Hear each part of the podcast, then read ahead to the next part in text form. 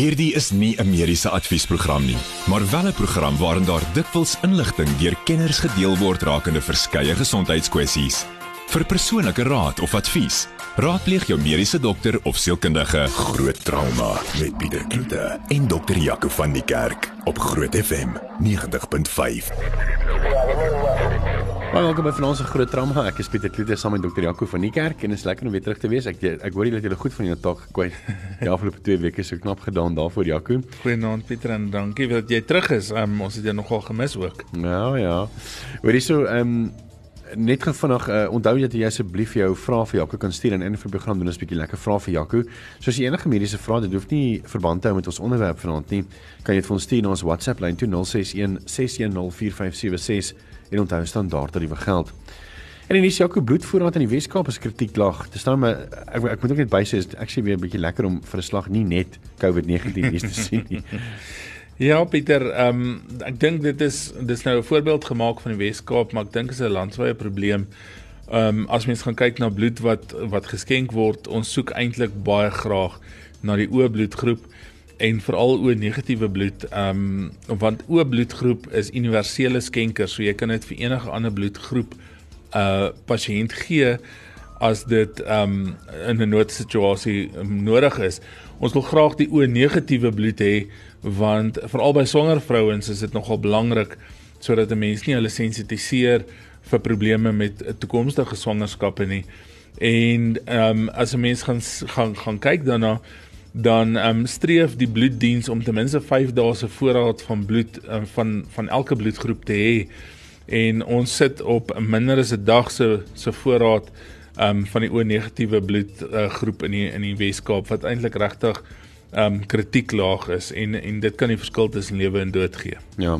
Ek moet bysê ek is eintlik baie teleurgesteld in die bloeddiens dat hulle nie um, as 'n Suid-Afrikaanse netwerk saam doen nie want ek weet hulle hulle hulle is net maar gesplit dis dis mos die dink die Suid-Afrikaanse nasionale bloed oortappingsdiens en dan sal hulle ja. 'n ander klein naampie vir die vir die Gauteng streke en hulle werk nie eintlik regtig baie nou saam nie. Ja, ek dink jy weet ek dink dis 'n Suid-Afrikaanse siekte voel dit vir my. Ek dink ehm um, nie net in die bloedoortappingsbesigheid nie, ek dink oralster. Um ek dink Suid-Afrikaners sukkel om baie keer saam te werk en ek weet nie hoekom nie want dit is tog ten, ten opsigte van die die goedheid van die van die samelewing. Um so ek dink regtig waar ek um hoop eers in die toekoms word hulle wakker en werk bietjie saam. En dan nou Tim Noux uh, het gesê ons almal gaan maar wees, maar ons almal moet ook nie inent nie. Nee, ek gaan. Maar hy hy het tot er gesê perhaps it's finally beginning to unravel as Dr. Judy Mikovits predicted it would nearly 2 years ago. Maybe the conspiracy is real after all anarchies. Ek dink ja. vir 'n dokter is dit baie nalatig om so iets te sê. Weet jy ek is ek is nog altyd 'n eintlik 'n aanhanger of 'n 'n voorstander van Tim Noakes gewees en ek dink hy het baie goeie werk gedoen en ek dink hy het baie goeie werk in sportmedisyne gedoen. En van sy artikels dink ek is van die beste wat nog ooit um geskryf is in sportmedisyne, maar dit is vir my teleurstellend om te sien dat hy sulke uitlatings maak en en dis 'n ou en ek dink men dit dit dit hang saam met hierdie kardiotrakale chirurg in die, in die Kaap wat ook sulke uitlatings gemaak het. Dis mense wat op die voorgrond in medisyne is na wie mense luister en mense is veronderstel om na hulle dokters te kan luister en te gaan glo wat hulle sê. Maar hierdie mense wat nou begin uitlatings maak sonder om bewyse uh, uh, uh, jy weet op op die tafel te sit Ehm um, ek dink erns in die artikel skryf uh, professor Noakes dat ehm um, die definisie van 'n immunisasie of 'n 'n enstof ehm um, van COVID-19 is nie dieselfde as wat hy op mediese skool geleer is nie. Ehm um, en dan kom in respons ehm um, professor Made wat die dekaan van die fakulteit uh, geneeskunde by ehm um, Wits is wat sê dan moet Noakes sy sy geld gaan terugvra by die mediese skool wat vir hom dit geleer het. Hmm die groot ding is ek dink daar's daar's baie debat en daar's baie kontroversie oor maar aan die einde van die dag hierdie instof is nie nuut nie. Um as mens gaan kyk baie van die RNA-instowwe wat in kankernavorsing al gebruik word, dit kom al dit kom al van die 80er jare. En um ek dink regtig dis leerstellend dat dat sulke mense met soveel invloed in die samelewing sulke ongegronde uitlatings maak. Um hmm. en ek dink dit maak dat baie mense se lewens in gevaar is, definitief. En selfs ek dink mense dink dat hierdie is nou al 'n nuwe ding, weet jy, die hierdie enstof is binne 6 maande gemaak, maar die tegnologie daar agter is nou al reeds al vir 10 jaar lank wat hulle nou al werk Ja. aan hierdie tegnologie. So ehm um, ja, dis dis dis nie 'n nuwe ding nie en en, en mense vra hoekom is dit so vinnig? Jy weet, um die hele wêreld se beurse het oopgegaan. Hmm. Daar is soveel navorsingsmoontlikhede. Ons het altyd gesukkel om geld te kry vir navorsing. Ek weet voor ek medies geswat het, was ek ook in die in die wetenskap deel in terme van mediese microbiologie en ek weet hoe het ons gesukkel selfs om klein projekkies gefinansier te kry. Um en dis deels hoekom 'n mens uit navorsing uitgaan en uh, ek persoonlik wat dan na medisyne kant toe gegaan het, is omdat jy altyd net gesukkel het. Nou die wêreld se beurs het oopgegaan. Mense is beskikbaar. Um en mense het almal die hele wêreld het saamgewerk vir 'n gemeenskaplike doel en dis om 'n enstof te kry. So as 100 000 mense na die na dieselfde doel toe toe toe toe werk, gaan dit tog baie keer beter wees en vinniger wees as wat net 10 mense dit gaan doen. En as geld nie 'n opsie is nie, soveel soveel makliker. dan ehm um, ek dink ehm um, enige mediese firma wat ehm um, 'n skedule produk maak uh, of en selfs nie eers 'n skedule produk nie, ehm um, kry half die die die thumbs up as hulle deur die FDA deur Amerika goedgekeur is. Ek meen dit is amper om te sê dat hoorie so hierdie is definitief iets wat werk. En ek sien die FDA het ook nou die Pfizer enstof uh, offisieel nou uh, beskik of approve. Ja, hulle het volledige goedkeuring gekry um vir die Pfizer enstof deur die die Food and Drug Association van Amerika. En ons weet hulle um hulle riglyne is ongelooflik streng. Hulle maatreëls wat hulle tref in terme van veiligheid, in terme van effektiwiteit is ongelooflik streng. Ons weet hoe moeilik dit is om um in Amerika te praktiseer net as sulks omdat um die kans vir litigasie so hoog is. En as die FDA 'n ding goedgekeur het, kan die wêreld maar glo dat dit dat dit werklik veilig is. Um en ek dink die oomblik wat die FDA die die die uh, Pfizer enstof goedgekeur het, het um al hierdie redenasies van dit is nie deur al die studies nie en dis nie deur al die fases nie en dis te vinnig. Daai redenasie hou geen hou, geen krag meer in nie, definitief. En dan ehm um, in of uitlatings oor inentings moet gestaaf word. Ek dink dit uh, gaan ook maar aan uh oor wat uh, prof Tim nou gesê het en dokter Susan Vosloof wat jy vroeër gesê het. Ehm um, Ja, Pieter en, en weet jy wat is my sleg?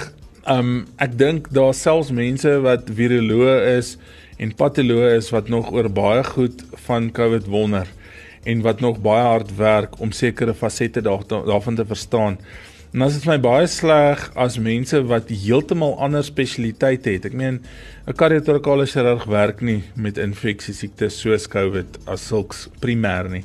Hulle behandel hulle nie primêr nie.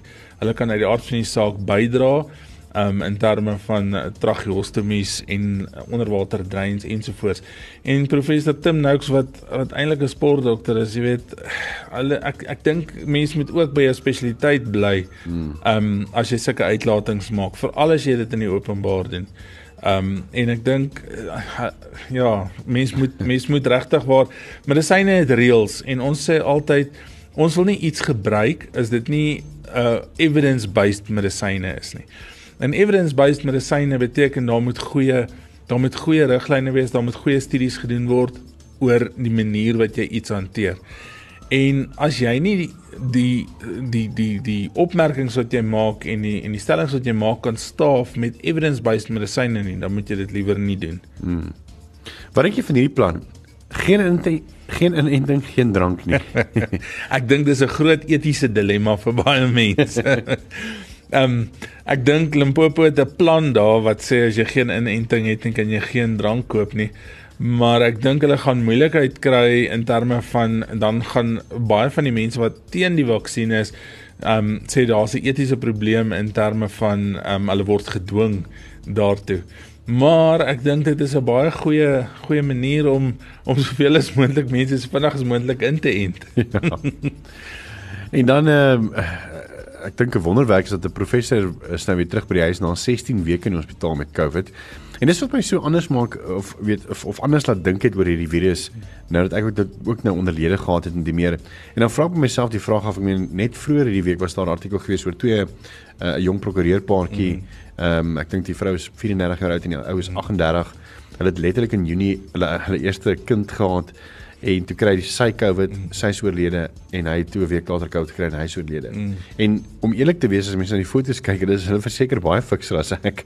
Ja. Uh, en en nou dink ek by myself, weet hoekom is ek gespaar en hulle nie? Verstaan jy? Jy weet uh, want mense weet nie. Ek weet dan is daar 94 jy jy jy mm. weet jy weet jy jy werk nie trauma jy net ja. nie goed. Ja, dis die moeilikheid, jy weet, en ek dink dis een van die probleme van hierdie pandemie is dit is so onvoorspelbaar. Ehm um, ek wens ons kon dit beter voorspel oor wat die verloop gaan wees en mense ek wens mense het geweet wat is al die fasette en risiko's om 'n slegte verloop te hê. Ehm um, maar ja, hier sit 'n mens met 'n persoon, ehm um, professor Oberholzer, hy ek sien hy's adjunktekaan van die fakulteit ekonomiese en bestuurswetenskappe en hy's 58, 16 weke, dink net eh, dis dis 112 dae Dink net hoe voel 'n mens na 112 dae in die hospitaal. Jy voel nou na 10 dae of 12 dae of 14 dae se se isolasie. Dink net hoe voel jy om weer uit te kom. Mm. Nou is jy 'n derde van 'n jaar in die hospitaal gelê het. Dink hoe gaan jy voel? Nee, ek ek ek hou my hoed af voor. Maar ons net nou weer terug en dan gesels ons 'n bietjie oor daai groot woord Jaco sê het gevind begin met 'n F, fibromialgie. So bly skakel daarvoor.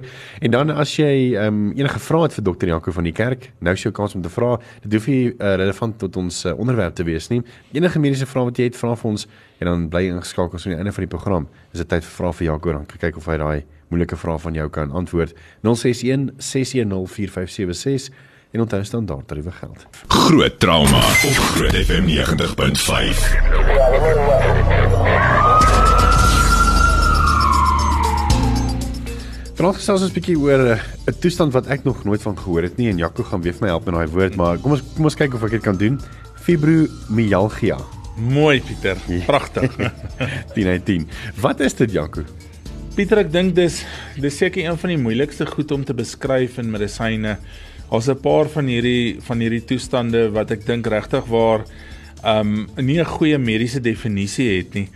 Um en dit varieer onder dit varieer onder die kollegas van my ook van van ons wat um glad nie daarin glo nie en dink net as iemand met veelvuldige areas van pyn in die liggaam um presenteer dan weet ons net nie hoekom dit is nie want ons kry nie 'n oorsaak nie. Um tot mense wat 100% glo fibromialgie is 'n siekte op sy eie.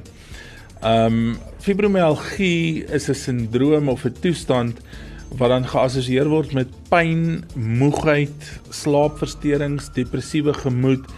Um en die pyne wat die persone uh, jy weet ervaar is oor hulle hele liggaam heen. Um dis nie net beperk tot gewrigte nie, dis ook um die aard van die saak spiere en ligamente wat aangetast word. So um, ek dink dit is 'n baie wye wye definisie eintlik en ek dink is 'n baie swak gedefinieerde siekte op hierdie stadium en tans sê ons dit is 'n diagnose by uitsluiting. Met ander woorde, as 'n persoon na jou toe kom met klagtes wat ook by fibromialgie inpas, moet 'n mens eers alle ander oorsake gaan gaan uitskakel. Ehm um, maar dat dit 'n werklike toestand is en dat dit 'n toestand is wat mense baie uh, affekteer, veral psigologies ook, is definitief waar. Ons weet nie nou weer terug en dan gaan ons kyk oor hoe kan mense hierdie ehm um, kondisie behandel. So bly gerus ingeskakel daarvoor. Baie dankie vir die wat nou reeds vrae gestuur het vir vir Jaco en ek hoop daar's 'n paar lekker moeilike vrae vanaand se se vrae vir Jaco vra. As jy 'n vraag het, dit hoef nie verband te hou met ons uh, onderwerp nie. Stuur gerus vir ons 'n WhatsApp by 061 610 4576 en onthou standaard tariewe geld. Groot trauma met Pieter Kloete en dokter Jaco van die Kerk op Groot FM 90.5. Net nou as dit vra vir Jaco, as jy enige mediese vrae het, eh, kan jy vir ons dit nou stuur by 061 610 4576 en onthou standaard tariewe geld. Ons gesels verder oor die behandeling van fibromialgia en dit uh, beïnvloed blykbaar omtrent so 2 tot 5% van die totale ehm um, bevolking op aarde. en omtrent so 3% in Suid-Afrika. Jaco het nou reeds verduidelik wat wat dit is. Is dit is is daar hoop in die einde van die tunnel Jaco kan mense dit behandel? Pieter, ja, um, ek dink die, die beste woord om dit saam te vat en te beskryf is om te sê dis 'n multimodale um, behandelingsplan wat jy daar moet stel. Daar's definitief hoop, maar dit is maar 'n kroniese toestand. Um baie mense glo dis meer 'n psigiatriese toestand as 'n fisiese toestand en dan is dit teen, teendeel ook waar dat daar klomp mense is wat glo is meer 'n fisiese toestand. Um ek dink dit het 'n dit het 'n komponent van beide by.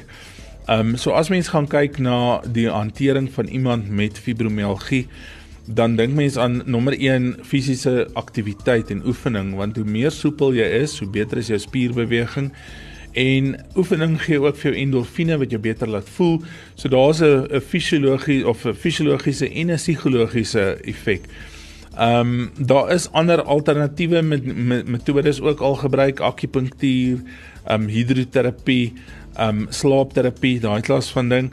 Ehm um, psigoterapie is 'n ongelooflike baan 'n belangrike ding. Ehm um, want daar's 'n groot assosiasie tussen fibromialgie en major depressie en angs. Ehm um, daar is ook ehm um, dan behandelingsmodaliteite in psigoterapie wat wat ons praat maar van streshanteringsvaardighede, ehm um, die kognitiewe gedragsterapie wat 'n mens wat 'n mens dan by jou sielkundige of psigiater dan kry. Dan aan die ander kant enigiets in medisyne word maar met medisyne behandel ook, né? So, ehm um, ons kyk na pyngoed, ons kyk na ehm um, antidepressante, anxiolytikums, kyk na die mense se slaappatrone om dit reg te kry. Ehm um, mense wil graag net eh, bevestig ook dat jy nie vir iemand gaan nou vir jaar in en jaar uit 'n slaappil gee nie. En ons probeer ook om weg te bly van die opiaat pyn medikasies wat al hierdie swaar afhanklikheidsvormende medikasies is maar baie mense eindig op antidepressante um en dan anksiolitiese middels. So ek dink die die die behandelingsmodaliteit is eintlik multimodaal soos ons nou nou gesê het en dit is 'n baie moeilike ding om te integreer want meeste van ons in wat wat medisyne praktiseer um is of die een kant of die ander kant of die fisiologiese kant en fisieke kant of die psigologiese kant.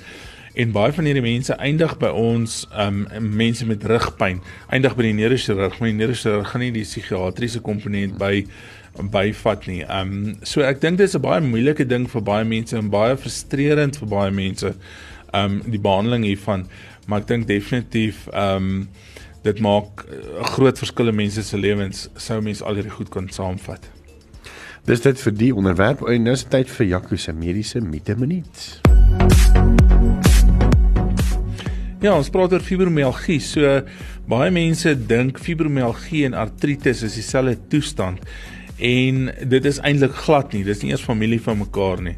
So artritis tas primêr gewoonlik die gewrigte aan waar fibromialgie gewrigte, spiere en alle sagte weefsel van die liggaam kan aantas en dan ook die psigologiese komponent het.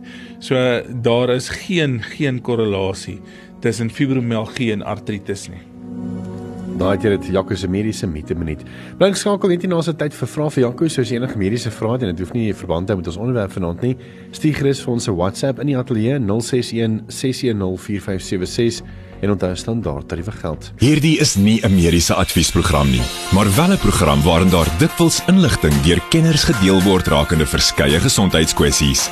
Vir persoonlike raad of advies, raadpleeg jou mediese dokter of sielkundige. Groot trauma met Pieter Kloete en dokter Jaco van die Kerk op Groot FM 90.5.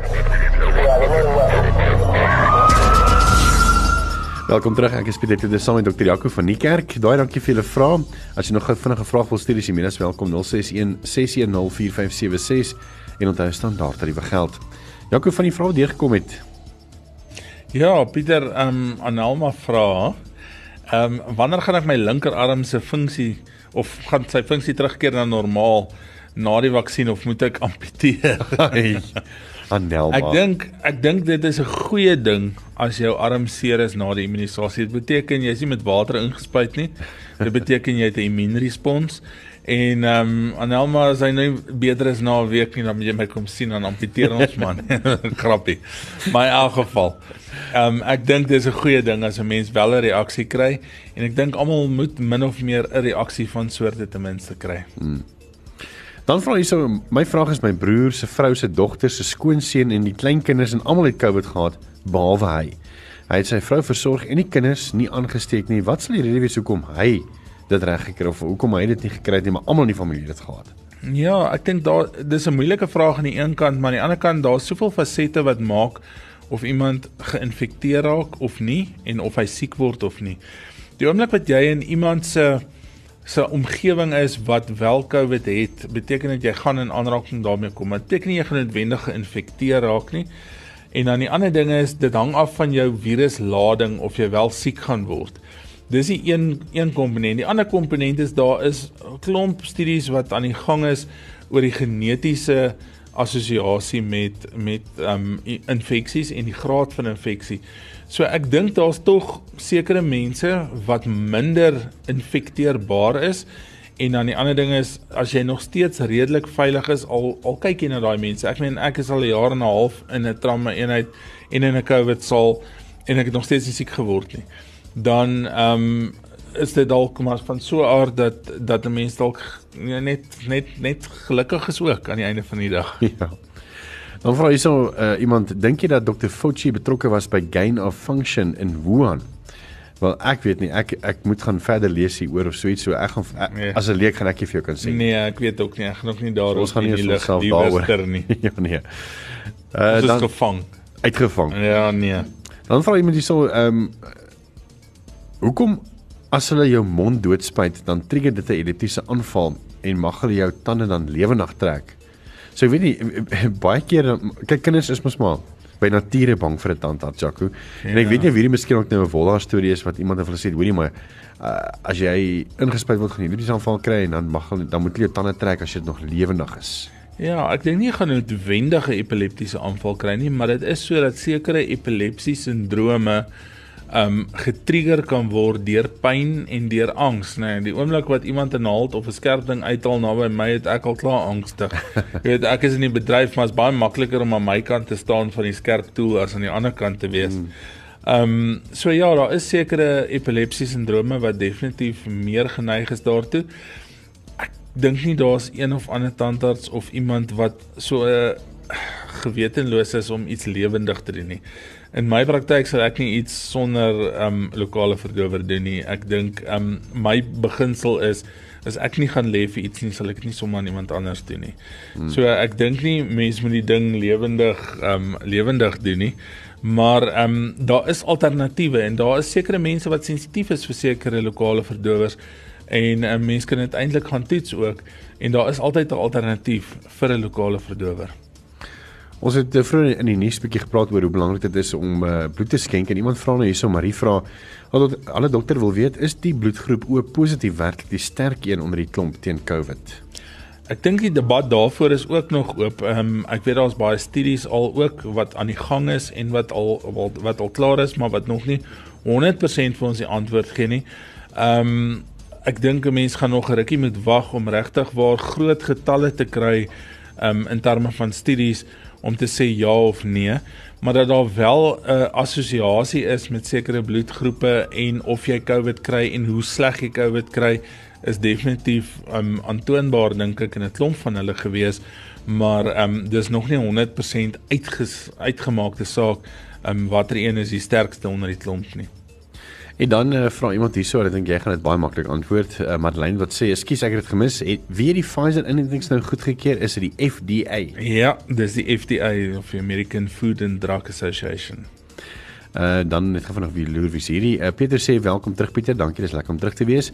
Jaco, of dokter Jaco, ek wil weet die gerugte wat versprei dat Pfizer jou blykbaar steriel maak. Joe. Petro. ek het 'n Pfizer gehad so 'n maand of twee terug. ja. Ehm um, ek dink dis een van die goed wat ek dink baie op sosiale media versprei word, een van die stories wat baie versprei word. As jy egter na die die die ginekoloog gaan gaan kyk en jy vra vir die obstetriste en ginekoloog, dan sal jy agterkom hulle sê daar's geen vermindering in swangerskap in pasiënte of vrouens wat wel ingeënt is nie. Inteendeel, daar's 'n klomp pasiënte wat nou al redelik ver swanger is wat wel ingeënt is en sonder komplikasies. So daar's geen effek wat bewys dat daar uh, steriliteit is nie, definitief nie. En daar is ook nie 'n probleem in terme van as jy swanger raak en jy is geïmmuniseer nie. Ek dink jy's nou nog 'n vraag en ek weet nie of jy dit nou eintlik maar saamgevat het nie, maar die persoon is 34 weke swanger. Is dit oukei okay vir my om ingeënt te word teen COVID op 34 weke? So sover was ek nog nie siek nie, maar is wel hoë risiko in derde trimester. Ja, jy is 'n hoë risiko ehm um, veral in derde trimester, maar eintlik deur die hele swangerskap omdat swanger, swangerskap 'n immuunonderdrukkende toestand is, so jy gaan makliker ehm um, geïnfekteer word en jy kan makliker siek word teoreties. En tot baie onlangs het die ehm um, Vereniging vir Ginekoloë en Obstetriste in Suid-Afrika nog nie 'n duidelike antwoord gehad nie. Hulle het ook gesê dis nie bewys om veilig te wees in swangerskap nie, maar hulle beveel dit aan want dit maak dat infeksie en siekteproses baie korter en minder ernstig is. Um ek het toevallig maandag in in teater gesit waar 'n ginekoloog ook gesit het en gesels daaroor wat hy gesê het ook hulle beveel tans aan dat hulle wel die immunisasie vat want die risiko is steeds baie minder as die potensiële komplikasies wat hulle kan kry sou hulle COVID optel. Uh hier's nog iemand wat vra na dokter van die kerk. Ek het laasweek Vrydag vir my eerste Pfizer inspuiting gegaan en my skouer is nog steeds sê enige raad. Ja, jou jy moet jy, jou man moet jy nie op die op daai skouer slaan, op die ander skouer. Nie op die ander skouer slaan. Nee, ag ek dink die belangrike ding is dit maak 'n inflammasie respons, dit maak 'n inflammasie reaksie. So as jy anti-inflammatoriese middel drink, gewone gewone ehm um, anti-inflammatoriese middels, smeermiddels behoort dit baie vinnig beter te gaan. En net soos wat ek vroeër nou gesê het, ons het dit nou grappender gewys sê, maar ehm um, dit is definitief belangrik dat jy moet 'n reaksie hê en dit wys net jou immuunstelsel is wakker en jy maak antiliggame en dis eintlik 'n goeie teken. Hier's 'n lekker vraag. Ek, hierdie gaan 'n lekker enetjie wees. Dit kom van van Denise af en sy sê mense wat peroxide drink vir COVID en ander goed. Hoe slim is dit? Hallo Denise, Denise was um een van die pasiënte wat ek ook in die hospitaal gesien het en ek dink sy was omtrent 2 weke plus in ICU. So ek is bly sy's beter en ek is bly sy's by die huis. Um Is dit dan die mense met die wit hare wat nou ingaan of wat? Jy sal dit nie glo nie Pieter, daar's mense wat COVID ag met met COVID wat proksied wil drink, wat dit wil snyf, wat dit wil nebuliseer. En um ek wil sê en dankie vir daai vraag Denise, dis glad nie slim nie. As jy nou al 'n slak gevat het en jy draai hom om en jy gooi sout op hom en jy sien hoe borrel hy. As jy 'n kind is, né? Nee. En ek wil nou nie die mense wat vir diere liefhebbers is met my nou kom dit dry buite nie. Maar as jy as 'n kind dit gedoen het, dis presies wat jou longe doen as jy peroksied in die long kry. Ja. Die longe hou nie van peroksied nie. Jy kan net sowel dan enigiets anders ook gaan snyf en drink en doen en kyk wat gebeur. So as nie um, al klaar reeds sleg is dat dat COVID van die selle doodmaak nie, nou maak die peroksied nou nou die ander wat nou die, die gesonde selle dood. Ja, die peroksied brand, jy weet, um is ons knievervangings doen baie keer voordat 'n mens die sementering doen van die protese binne in die gewrig dan sit jy peroksied op die been en hy brand daai been, hy maak daai been spier, spier, spier wit. Nou is hy been so kan en hy's warm, hy brand. Mm. Is hy been so kan brand, wat gaan hy met sagte weefsel doen? Wat gaan hy met jou ligwegse slijmvlies doen? So ek weet nie waar die gedagte vanaand kom nie, maar ek dink daai ou ehm um, is regtig 'n sadis want hy wil graag sien hoe mense doodgaan. Nee jong, as jy slim is moet jy dom wees. so. Ek hoop um, dis meeste van die vrae wat deurgekom het. Uh, baie dankie dat jy vir ons vrae gevra het. En uh, dit was groot trauma. Ons gaan nog nie heeltemal baie sê nie. Ons wil gou vinnig die geleentheid kry en Jaco, jy's jy's nog live sê ek en ek het saam gechat.